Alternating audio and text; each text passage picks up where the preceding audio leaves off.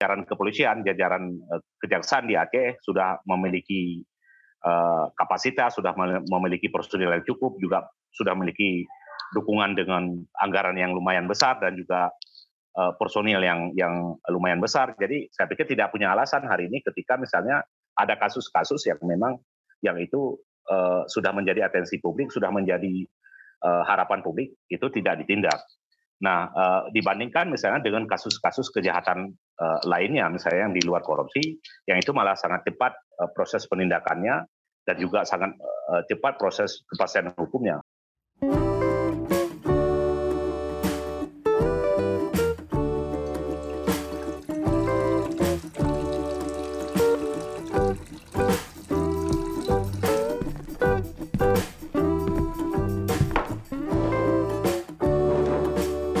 Di atas meja podcast by ICW. Halo, selamat pagi, selamat siang, selamat sore teman-teman sahabat ICW, sahabat anti korupsi. Balik lagi di podcast di atas meja by ICW. Kenapa di atas meja? Karena tidak ada korupsi di dalam obrolan kali ini. Nah, kita balik lagi ke podcast yang edisinya kali ini akan berbeda teman-teman sekalian. Kenapa? Karena podcast ini nanti juga akan ditayangkan di YouTube sahabat ICW. Jadi kalau kemarin kalian yang bertanya-tanya, ini ada nggak sih podcastnya nanti di channel YouTube? Nanti kalau kalian uh, mau lihat videonya juga bisa disaksikan di YouTube @sahabat_icw. Oke, kali ini kita akan berbincang-bincang terkait dengan persoalan korupsi yang terjadi di daerah. Nah, kalau kemarin-kemarin mungkin sempat melihat beberapa bahasan ya soal uh, korupsi di berbagai macam sektor. Nah, eh, kali ini eh, di episode ini kita akan ngobrol bareng salah satu kawan yang juga mitra eh, ICW atau kami sebutnya eh, mitra ya atau jejaring masyarakat sipil CSO yang ada di provinsi eh, Nangro Aceh Darussalam tepatnya di kota Banda Aceh. Kita akan berbincang bareng eh, mata masyarakat eh, transparansi Aceh dengan Bang Alfian. Halo Bang, selamat sore ya di sana ya kalau kali ini ya. Halo, selamat sore. Oke, gimana kabar sehat Bang? Ya, alhamdulillah sehat.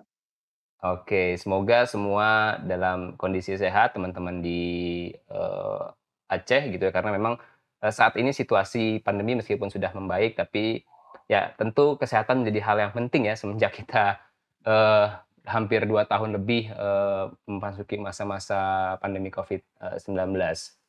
Nah, um, Bang Alfian, ini tadi saya sudah sempat memberikan sedikit pengantar sebetulnya ke teman-teman sahabat ICW. Jadi uh, ini akan uh, muncul di podcast uh, uh, di atas meja by ICW namanya Bang dan di channel YouTube uh, sahabat ICW. Nah, bicara soal kasus korupsi nih Bang. tentu gak akan ada habisnya ya tentu dan kejadian di daerah beberapa kawan sering bilang bahkan bisa lebih banyak kasus-kasus uh, korupsi yang mungkin tidak ter termonitor di level um, nasional seperti itu. Nah, beberapa waktu lalu tentu masih ingat betul sekitar April uh, 18 April ya kalau saya tidak salah 18 April 2022 uh, Mata Masyarakat Transparansi Aceh baru saja merilis hasil pemantauan penindakan kasus korupsi di Aceh tahun 2021 hingga uh, kuartal pertama 2022. Nah, kalau kita mungkin ini teman-teman juga perlu tahu ya teman-teman sahabat IC pendengar podcast ini adalah uh, apa namanya bentuk uh, monitoring masyarakat sipil yang dilakukan untuk melihat sejauh mana uh, apa namanya penindakan kasus korupsi yang dilakukan oleh aparat penegak hukum di level daerah maupun di level nasional. Nah, ada yang menarik sebetulnya kalau misalkan uh, teman-teman lihat di Aceh ini ya khususnya. Nah, ini kita akan langsung bertanya bertanya ke Bang Alfian. Bang, kalau lihat dari tahun 2021 sepanjang tahun 2021 teman-teman bilang uh, ada sekitar 23 kasus korupsi yang uh, terpantau uh, ditindak oleh aparat penegak hukum di wilayah uh, provinsi uh, Nangro Aceh Darussalam. Dan apa namanya empat di antaranya kalau saya tidak salah itu terjadi di tahun eh, 2022 di kuartal pertama. Kemudian bagaimana mata melihat eh, apa namanya penindakan atau tren penindakan kasus korupsi di tahun 2022 kemarin yang dilakukan oleh aparat penegak hukum? Ya, terima kasih uh, Mas Diko. Uh, dalam proses monitoring kita sejak tahun 2021 ya sampai kuartal pertama 2022, uh, kalau kita lihat itu kan uh, lebih tinggi proses penindakannya itu kan di level dana desa ya. Nah, uh, di mana sebelumnya kita juga melakukan proses monitoring tiap tahun, uh, ya artinya kalau kita lihat uh, yang ke belakang itu lima tahun terakhir ke belakang itu misalnya itu condong kasus korupsinya itu adalah yang yang apa yang trennya yang paling tinggi itu adalah sektor pengadaan barang dan jasa. Nah, akan tetapi di posisi tahun 2021 dan uh, masuk di kuartal pertama 2022 itu lebih dominannya itu adalah dana desa. Nah, di sini kita melihat bahwa bukan berarti bahwa sektor pengadaan barang dan jasa itu posisinya baik-baik saja dalam konteks tata kelola. Akan tetapi kita melihat bahwa dalam konteks pengadaan barang dan jasa ada sedikit lamban ya ataupun uh, proses penegakan hukumnya malah uh, kalau kita bilang bahwa sangat lemah. Apalagi misalnya di tahun 2000 uh, di akhir tahun 2021 misalnya kita menduga kuat bahwa misalnya di level Kejati Aceh misalnya melakukan apa namanya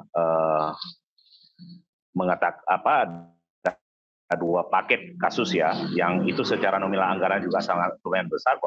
Melihat bahwa itu adalah uh, kasusnya ditutup, jadi sengaja ditutup. Kalau uh, kami mengatakan dan di posisi sekarang di, uh, masuk ke Jati Baru, kita juga sudah sounding untuk minta itu dibuka kembali. Nah, proses penutupan ini bukan hanya kesimpulan dari mata sendiri, tapi dari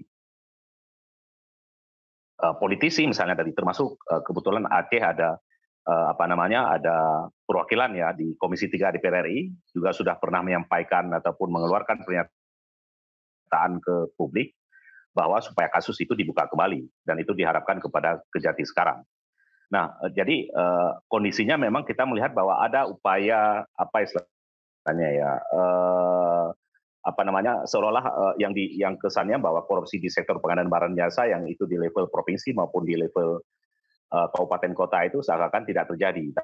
Tapi mata menilai bukan uh, bukan tidak terjadi, walaupun dominannya adalah yang sudah ditindak dalam status tersangka ya, karena kita juga uh, perlu uh, pahami bahwa yang ditindak ini statusnya sudah tersangka. Jadi yang dalam proses penyelidikan misalnya itu kita tidak rekap tapi tetap di, di proses monitoring saja. Jadi uh, buk, apa namanya ketika melihat trennya adalah dana desa. Nah, ini penting saya pikir yang perlu kita sampaikan sehingga uh, harapan kita bahwa di level APH di Aceh, baik itu di level kepolisian maupun kejaksaan, untuk lebih fokus atau menjadi skala prioritas untuk memastikan tata kelola keuangan di level uh, kabupaten maupun uh, provinsi itu lebih menjadi prioritas utama untuk melihat apakah kasus-kasus ataupun kebijakan anggaran yang sudah dikucurkan tiap tahun berjalan, misalnya itu tidak terjadi tindak pidana korupsi atau terjadi tindak pidana korupsi.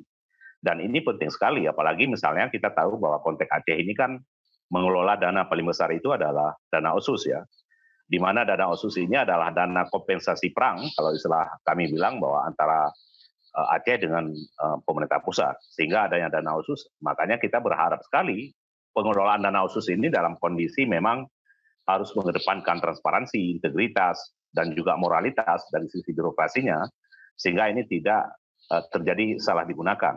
Walaupun selama ini kita di uh, apa namanya uh, feedback ke belakang lima tahun terakhir, memang kita tahu bahwa dana osus ini juga menjadi anggaran apa menjadi anggaran banjakan di level politisi maupun di level birokrasi, termasuk misalnya uh, para korporat ya yang yang condong itu lebih uh, dekat dengan kekuasaan. Oke, bang, menarik ini sebetulnya tadi uh, disebutkan di awal oleh uh, bang Alfian bahwa ini lima tahun sebelum 2021 mayoritas kasus korupsi yang um, apa namanya yang terjadi itu uh, berkelindang dengan sektor pengadaan barang jasa dan di tahun 2021 ini uh, kemarin gitu maksud saya bukan berarti itu tidak ada, tapi dalam uh, catatan mata ada beberapa kasus yang justru uh, tidak ditindaklanjuti gitu bang ya tadi ya, secara nggak langsung itu ya. Dan uh, apa namanya uh, selain memang sektor apa namanya dana desa uh, dominan di uh, apa namanya kasus korupsi yang ditindak oleh penegak hukum di Aceh gitu ya bang ya. Iya uh, benar. Jadi termasuk misalnya soal uh, vonis ya, vonis kasus-kasus vonis yang sudah inkrah misalnya di level dana desa misalnya, bayangkan ketika misalnya ada kasus yang kita lihat juga ya soal proses penuntutan, proses kerugian negaranya misalnya di level desa, ketika misalnya kerugian negaranya satu juta, tapi sampai penuntutannya, sampai ponis inkrahnya sampai empat tahun. Tapi ketika kita bandingkan misalnya dengan kasus pidana korupsi di level APBD eh, provinsi maupun kabupaten kota, itu kerugiannya misalnya malah di atas satu miliar, malah tidak sampai uh, satu tahun enam bulan misalnya ponis inkrah ya. Jadi uh, ini juga sebenarnya menjadi apa menjadi perhatian kita, menjadi uh, perhatian kami dalam perlu mendiskusikan dan juga mendorong uh, soal uh, apa namanya proses penuntutan ini secara maksimal sehingga tidak kesan bahwa orang-orang yang tidak memiliki akses uh, itu uh, ketika terjadi apa apa ketika terlibat dalam perilaku korupsi itu akan dilakukan upaya secara maksimal, tapi ketika orang-orang yang memiliki akses, baik itu akses politik, akses kekuasaan, itu malah uh, dengan hukuman ringan. Ya, ya. Ini ini menarik sebetulnya pernyataan Bang Alfian tadi teman-teman dan ini sangat relevan bahwa uh, bisa dikatakan ada semacam disparitas tuntutan ya Bang ya, nilai kerugian yang begitu besar, tapi kemudian apa namanya apa hukuman yang dijatuhkan itu tidak eh, setimpal atau atau tuntutan yang di eh, apa namanya diberikan penegak hukum itu tidak eh, setimpal gitu ya. Ada ada kesenjangan yang cukup terlihat uh, kalau dari pantauan teman-teman. Dan ini mungkin sepertinya tidak hanya terjadi di Aceh gitu bang ya di beberapa daerah. Kalau kita juga uh, monitor ada apa namanya lagi-lagi kalau kita ingin melihat ini sebenarnya penegak hukum kita komit gak sih dalam uh, apa namanya pemberantasan korupsi. Nah, itu kan kadang-kadang ketika kita bicara seperti itu, ya bisa dilihat aja soal ketegasan. Ketegasan itu dari mana? Dari misalnya di level uh, penuntutan, uh, tuntutan yang dijatuhkan atau dakwaan yang di uh, apa oleh jaksa dan juga uh, sampai pada tingkat vonis. Tapi kali ini tidak kita tidak akan membicarakan soal vonis seperti itu.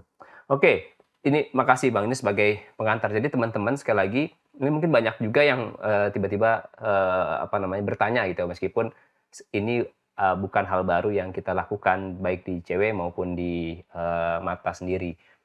Jadi uh, tren penindakan kasus korupsi itu uh, adalah uh, perkara korupsi yang masuk pada tahap penyidikan atau sudah ada penetapan tersangkanya uh, oleh penegak hukum, baik itu kepolisian, kejaksaan maupun KPK itu sendiri seperti itu, gitu ya bang ya. Nah bang, tadi teman-teman juga bilang sebetulnya uh, kalau proses monitoring ini sebetulnya dilakukan sudah uh, cukup lama gitu. Kalau secara overview ya bang ya, dari bacaan teman-teman uh, mata, teman-teman masyarakat uh, apa transparansi Aceh ini ada nggak bang perbedaan yang cukup signifikan selain tadi di sektor pengadaan yang mendominasi baru kemudian sekarang sektor uh, apa namanya dana desa lalu apa apalagi yang mungkin uh, teman-teman juga bisa uh, highlight seperti itu bang? Dari uh, bacaan atau dari hasil monitoring yang dilakukan seperti itu. Ya, yang menariknya sebenarnya uh, juga uh, yang perlu saya sampaikan di sini adalah ketika misalnya kasus-kasus yang yang memang uh, langsung terlibat di level kekuasaan atau uh, kasus yang potensi terlibat di level politisi misalnya uh, di level misalnya uh, DPRD misalnya kan itu sudah sangat sulit tersentuh uh, hukum. Atau apa uh, ada juga misalnya prosesnya sangat lama ya prosesnya sangat lama untuk penetapan tersangka. Misalnya audit kerugian negaranya sudah dikeluarkan oleh dalam hal ini kalau di Aceh itu BPKP ya uh, di mana penyidik sudah meminta uh, uh, untuk diaudit dan hasil auditnya juga sudah diumumkan oleh BPKP, tapi proses di level uh, untuk penetapan tersangka itu uh, ya kesannya berlarut-larut ya, sehingga kasus ini kita juga menyimpulkan potensi mangkrak sangat besar ketika publik melupakan dalam tanda kutip kasus-kasus yang memang statusnya sudah masuk pada tahap penyidikan. Dan ini uh, lumayan lumayan apa lumayan uh, banyak ya uh, boleh kami katakan. Dan itu juga terjadi di level kejaksaan maupun di level kepolisian kepolisian di Aceh. Sehingga kasus ini uh, apa namanya menjadi PR yang perlu diselesaikan sehingga ada kepastian hukum uh, terhadap uh, kasus tersebut. Bang, kalau boleh boleh tahu nih Bang, tadi Abang sudah nyinggung banyak beberapa kasus yang potensial mangkrak atau bahkan sudah mangkrak yang bermuatan politis gitu ya, yang eh, apa namanya kejadian di Aceh. Boleh sedikit nggak bang? Apa saja eh, apa namanya beberapa perkara atau duga perkara dugaan korupsi eh, yang memang eh, apa namanya eh, ya berpotensi itu tadi tidak dilanjutkan gitu. Perkara kasus apa saja bang?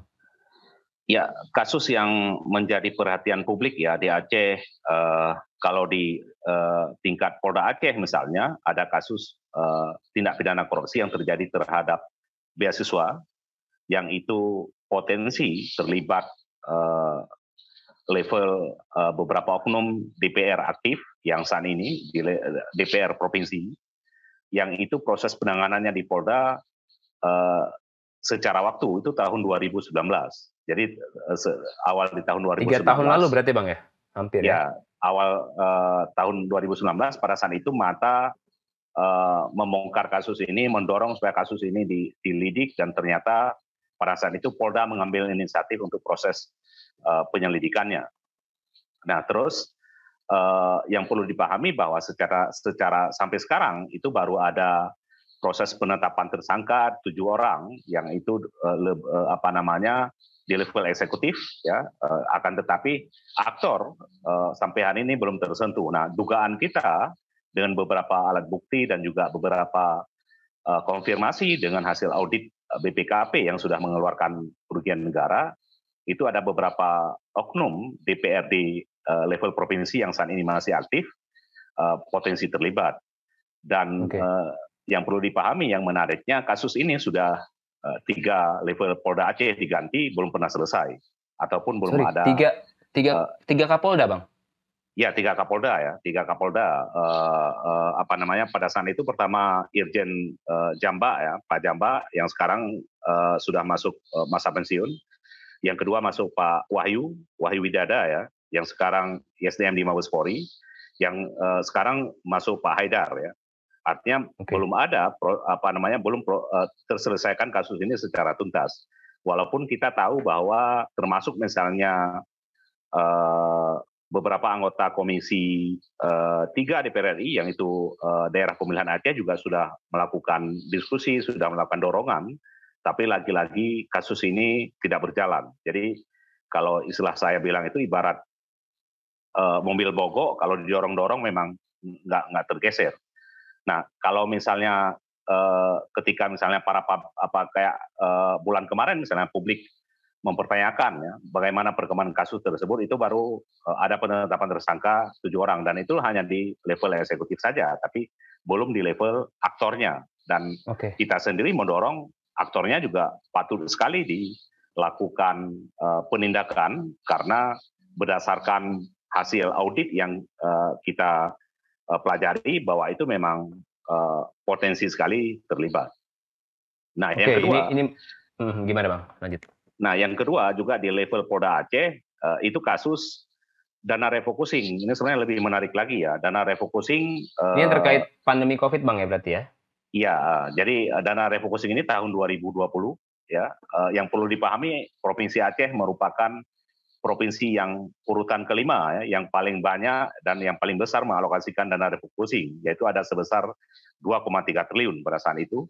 Jadi kalau dari level nasional itu provinsi Aceh ada urutan kelima. Nah, jadi dana refocusing salah satu item itu adalah ada pembangunan uh, Westafel ya pada saat itu untuk cuci tangan di level sekolah-sekolah yang itu di bawah dinas pendidikan Aceh. Nah, uh, yaitu ada sebesar 400 paket. Jadi Westafel ini kita temukan di lapangan memang yang pertama tidak dapat difungsikan dan yang kedua kualitasnya sangat buruk. Uh, jadi program ini kalau kita melihat bahwa memang kesan sekali dipaksakan karena pandemi di Aceh itu adalah 2019 ya, 2019 sekitar bulan Maret 2019. Nah, pada saat di awal pandemi itu level terutama di level sekolah itu memang mengambil inisiatif sendiri uh, melakukan uh, ya semacam tempat uh, cuci tangan bagi siswa. Nah, di, di tahun 2020 dengan dana refocusing ini uh, dinas melalui dinas pendidikan mengelu, mengeluarkan kebijakan dan juga mengalokasikan anggaran untuk membuat estafel, membangun estafel di tiap-tiap sekolah dan itu levelnya di level SMA ya. Nah, uh, jadi uh, kasus ini sudah dilakukan proses oleh Polda Aceh dan statusnya sekarang dalam status penyidikan. Arti kata kalau dari pemahaman dan pengetahuan kami selama ini kalau status penyidikan itu sudah ada tersangka. Akan tetapi lagi-lagi kasus ini juga sengaja digantung dalam tanda kutip dan sampai sekarang belum ada pengumuman tersangka. Yang itu juga menjadi uh, apa namanya uh, advokasi kami untuk lebih kuat lagi supaya ini ada kepastian hukum. Nah, okay. itu di di hmm. di, di level uh, Polda ya. Jadi dua kasus ini yang menjadi perhatian menarik sekali, apalagi dana refocusing yang perlu dipahami bahwa dana ini kalau salah digunakan, kalau potensi tindak pidana korupsi bisa dijerat dengan hukuman mati. Ya. Oke, makasih. Uh, Bang Alfian, ini menarik sebetulnya beberapa bahasan tadi yang juga sempat ini ini informasi yang teman-teman mungkin uh, perlu tahu ya. Uh, kasus korupsi beasiswa di Aceh itu sempat uh, narik uh, apa namanya perhatian publik di level nasional gitu ya bahwa beasiswa di beasiswa pemerintah ya bang ya pemerintah Aceh dikorupsi untuk ini adalah bantuan pendidikan untuk uh, apa namanya mahasiswa ya bang ya kalau saya tidak salah ya Ya, mahasiswa yang yang itu ada ada yang kuliah di level lokal, di level nasional termasuk di luar negeri. Iya. Dan nilainya cukup besar kalau saya tidak salah pagunya itu sampai puluhan ya, Bang? Ya, uh, kalau hasil audit BPKP kan potensi kerugiannya aja sampai 10,3 miliar ya. Oke. Sampai 10,3 miliar dan ini tentu lagi-lagi adalah salah satu yang juga disoroti oleh masyarakat sipil di Aceh terkait dengan bagaimana kinerja apa namanya penanganan kasus korupsi oleh aparat penegak hukum. Nah ini uh, ini menarik sepertinya kalau kita bicara soal apa namanya kinerja penegak hukum dalam menindak kasus korupsi. Tapi saya ingin balik lagi ke uh, apa namanya masih ingin sedikit mendalami soal kasus korupsi di Aceh. Nah tadi kalau saat teman-teman uh, Mata melakukan monitoring tahun 2021 lalu hingga mungkin kalau kuartal pertama 2022 ini mayoritas kasus korupsi itu eh, apa namanya pelakunya atau tersangkanya itu didominasi oleh eh, siapa bang kalau teman-teman mata melihat ya eh, kalau memang kalau apa kalau dari sisi hasil monitoring yang statusnya tersangka ya kalau di level eh, apa namanya yang udah statusnya udah diumumkan oleh aparat penegak hukum dia itu statusnya tersangka itu memang lebih kepada para operasional kalau kata bilang saya bilang ya ataupun lebih kepada orang-orang yang negara ya, memang pejabat. level bawah ya. Tapi okay. belum tersentuh misalnya di level kepala dinasnya ya atau memang ada juga kasus yang misalnya di level penyelenggara negaranya ya status penyelenggara negara. Misalnya ada kasus yang juga eh, dua kasus yang menjadi perhatian kita terakhir itu yang memang sampai hari ini juga sudah kita masih dalam advokasi kita yaitu yang ditangani oleh di level Kejati Aceh. Yang saya bilang tadi kasus itu sengaja dihentikan oleh Kejati sebelumnya. Yang itu statusnya masuk yang lagi kita dorong untuk supaya ini dibuka kembali dan hasil pertemuan kita pada saat itu memang Kejati Aceh yang baru ini komitmen katanya akan membuka kembali karena di selain itu juga didorong eh, apa namanya salah satu anggota Komisi 3 yang pemilihan Dapil Aceh yang supaya kasus ini diminta untuk dibuka kembali. Nah, jadi Eh, salah satu kasus ini uh, apa namanya potensi terlibat penyelenggara negaranya sangat besar ya. Uh, kalau satu kasus ini malah pihak rekanannya sudah mengembalikan uang uh, karena potensi pada saat itu ketika kita dapat SP2D pertama, SP2D kita dapat dan setelah kita ngecek paket terhadap pembayaran tersebut tidak ada paket di lapangan memang fiktif. Uh, setelah kita pertanyakan melalui media, uh, rekanannya cepat-cepat Uh, menyetor ke kas daerah dan kita juga sampai dapat slip penyetorannya dari perusahaan apa misalnya dan pada saat itu kita memang minta Kejati Aceh untuk mengambil alih karena ini ditanganin sama Kejari di daerah. Nah, uh, satu lagi kasus pembangunan jembatan. Kasus pembangunan jembatan ini uh, pagunya sampai 4,3 miliar uh, dan uh, di mana uh, ketika di proses tender itu juga kita temukan kejanggalan yang melalui uh, pihak inspektorat juga pada saat itu sudah merekomendasikan supaya perusahaan ini tidak diloloskan karena ada beberapa dokumen yang dipalsukan. Terakhir juga ada audit BPK juga meng, menemukan hal yang sama. Akan tetapi lagi-lagi eh, pimpinan kejati sebelumnya mengumumkan bahwa tidak ada potensi tidak pidana korupsi. Sehingga eh, apa namanya kita menyimpulkan bahwa dalam kasus jembatan ini kita tidak melihat bahwa apa namanya konteks bahwa korupsi di pembangunannya, tapi potensi korupsi yang terjadi di proses uh, tendernya dan juga proses kebijakannya. Karena uh, terakhir yang kita temukan bahwa misalnya pembangunannya belum selesai 50%, tapi tiba-tiba Dinas Keuangan Pemerintah Aceh sudah mengeluarkan pembayaran lunas kepada perusahaan tersebut. Dan kita duga ini adalah ada arahan, ada perintah dari uh, aktor paling utama sehingga uh, dinas keuangan berani membayar 100% padahal fakta lapangan itu jembatannya belum selesai. Uh, 50%. Nah sampai sekarang ini ini statusnya masih uh, mungkin ya finishing ya. Uh, nah yang perlu dipahami bahwa korupsi yang kita sorot di sini bukan konteks dalam korupsi pembangunannya, tapi di proses tendernya ya, karena sudah ada rekomendasi dari Inspektorat provinsi sudah ada rekomendasi termasuk di hasil juga temuan dari BPK di mana bahwa perusahaan tersebut supaya tidak diloloskan termasuk Popja eh, pengadaannya juga eh, perlu diberikan sanksi. Saya pikir hasil temuan-temuan dari dua instansi ini sangat-sangat memperkuat sebenarnya eh, apa namanya proses lidik yang seharusnya dilakukan oleh Kejati pada saat itu.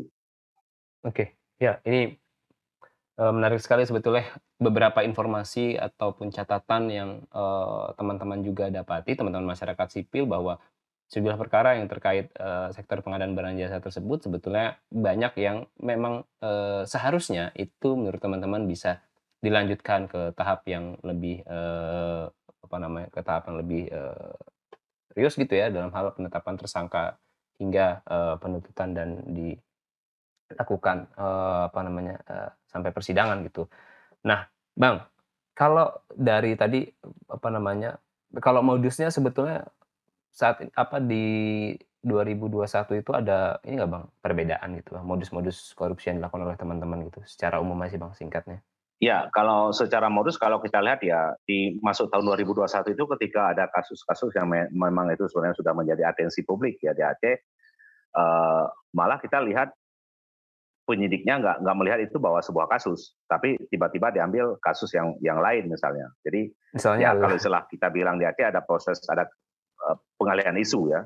Jadi kasus-kasus okay. uh, yang itu memang secara nilai kerugiannya kecil dan juga uh, apa namanya dampaknya juga sangat kecil ya. Uh, bukan berarti bahwa kita tidak sepakat bahwa apa yang sudah dilakukan, tapi seharusnya yang apa yang sudah saya sampaikan di awal tadi bahwa ada skala prioritas ya. Uh, karena misalnya gini, masa misalnya di level kejati misalnya nanganin kasus dana desa kan aneh ya. Karena dana desa itu kita bisa tebak ya, kerugian negaranya paling tinggi itu 200 juta sampai paling tinggi 300 juta. Nah, dibandingkan dengan potensi-potensi korupsi yang terjadi di, di uh, dalam uh, apa namanya anggaran level APBD misalnya. Nah, belum lagi itu misalnya ketika kasus yang kecil ya secara kerugian negaranya juga negara kan juga akan mengeluarkan biaya sangat besar ya mulai dari proses uh, penyelidikan, penyidikan, uh, uh, apa namanya sampai proses uh, pelimpahan ke kejaksaan, udah itu uh, sampai kepada penuntutan dan uh, sampai putusan. Saya pikir negara juga mengeluarkan uang yang sangat besar. Uh, makanya kita selalu uh, apa namanya mendorong supaya supaya pihak di Aceh itu menjadi menjadikan prioritas kasus korupsi-korupsi yang memang menjadi perhatian publik, dampaknya juga sangat besar secara kerugian negaranya juga sangat sangat apa sangat besar uh, atau memang kerugiannya kecil tapi penyelenggara negara yang terlibat itu saya pikir yang harus menjadi skala prioritas sehingga memang uh, apa istilahnya ya ada warna baru di Aceh sehingga tidak terkesan bahwa korupsi itu dilegalkan dalam tanda kutip. Ya. Hmm. Oke, ini menarik ini tadi ada skala prioritas yang perlu diambil oleh aparat penegak hukum dalam menangani perkara korupsi di Aceh seperti itu ya. Tadi um, apa namanya uh, Bang Alfa menyampaikan ada beberapa perkara yang punya dimensi kepentingan publik yang sangat tinggi atau bahkan tingkat apa namanya bicara soal alat bukti, bicara soal apa namanya um, apa namanya kepentingan publik itu sangat dominan. Tapi justru hal-hal itu uh, tidak uh, apa namanya penegak hukum malah mengambil uh, kasus lain atau bahasa tadi yang disampaikan Alfian pengalihan isu. Nah, kita mungkin terakhir masuk ke bicara apa bicara soal kinerja penegak hukum nih Bang ya. Nah, 2021 teman-teman uh, juga sebetulnya memantau uh, tren penindakan kasus korupsi dan juga bagaimana kinerja penegak hukum dalam menangani perkara korupsi di tahun 2021. Apa uh, catatan atau temuan teman-teman uh, selain yang tadi Abang sudah sampaikan ya, uh, baik kepolisian, kejaksaan, bahkan mungkin KPK dalam konteks uh, kinerja penegakan hukum dalam uh, menangani uh, perkara korupsi atau kasus korupsi di Aceh? Ya, uh, apa namanya? Yang pertama kita melihat ya ada ada kehilangan arah ya proses penegakan hukum terutama terhadap kasus pidana korupsi, di mana uh, negara kita menganut bahwa uh, korupsi adalah kejahatan luar biasa, yang menjadi harapan publik adalah uh, juga cara-cara yang harus luar biasa dalam proses penanganan kasus tindak pidana korupsi. Karena uh, muncul misalnya pernyataan-pernyataan uh, bahwa korupsi ini uh, tidak bisa di, di apa di, di, ditindak uh, uh, diibaratkan dengan membalikan telapak tangan. Saya pikir uh, jajaran kepolisian, jajaran uh, kejaksaan di Aceh sudah memiliki uh, kapasitas, sudah memiliki personil yang cukup, juga sudah memiliki dukungan dengan anggaran yang lumayan besar dan juga uh, personil yang yang lumayan besar. Jadi saya pikir tidak punya alasan hari ini ketika misalnya ada kasus-kasus yang memang yang itu uh, sudah menjadi atensi publik, sudah menjadi uh, harapan publik, itu tidak ditindak. Nah, uh, dibandingkan misalnya dengan kasus-kasus kejahatan uh, lainnya, misalnya yang di luar korupsi, yang itu malah sangat cepat uh, proses penindakannya dan juga sangat cepat proses kepastian hukumnya.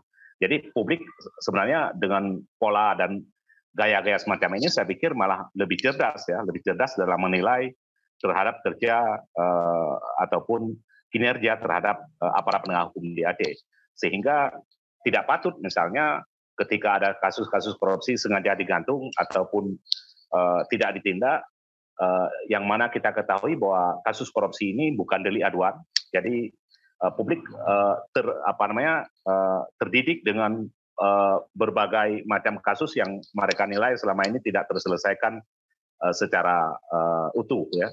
Uh, karena uh, di Aceh dalam catatan kami juga dalam proses penegakan hukum, terutama tindak pidana korupsi, itu kerap sekali terjadi ketika ditindak itu tidak utuh. Dalam arti kata, misalnya tidak ada misalnya proses penelusuran aliran dana terhadap hasil korupsi itu siapa saja yang menikmati itu harus ditindak. Sementara yang selalu yang uh, uh, apa namanya yang masuk ke uh, penjara misalnya itu orang-orang hanya operasional saja, tapi di level aktornya sangat jarang tersentuh.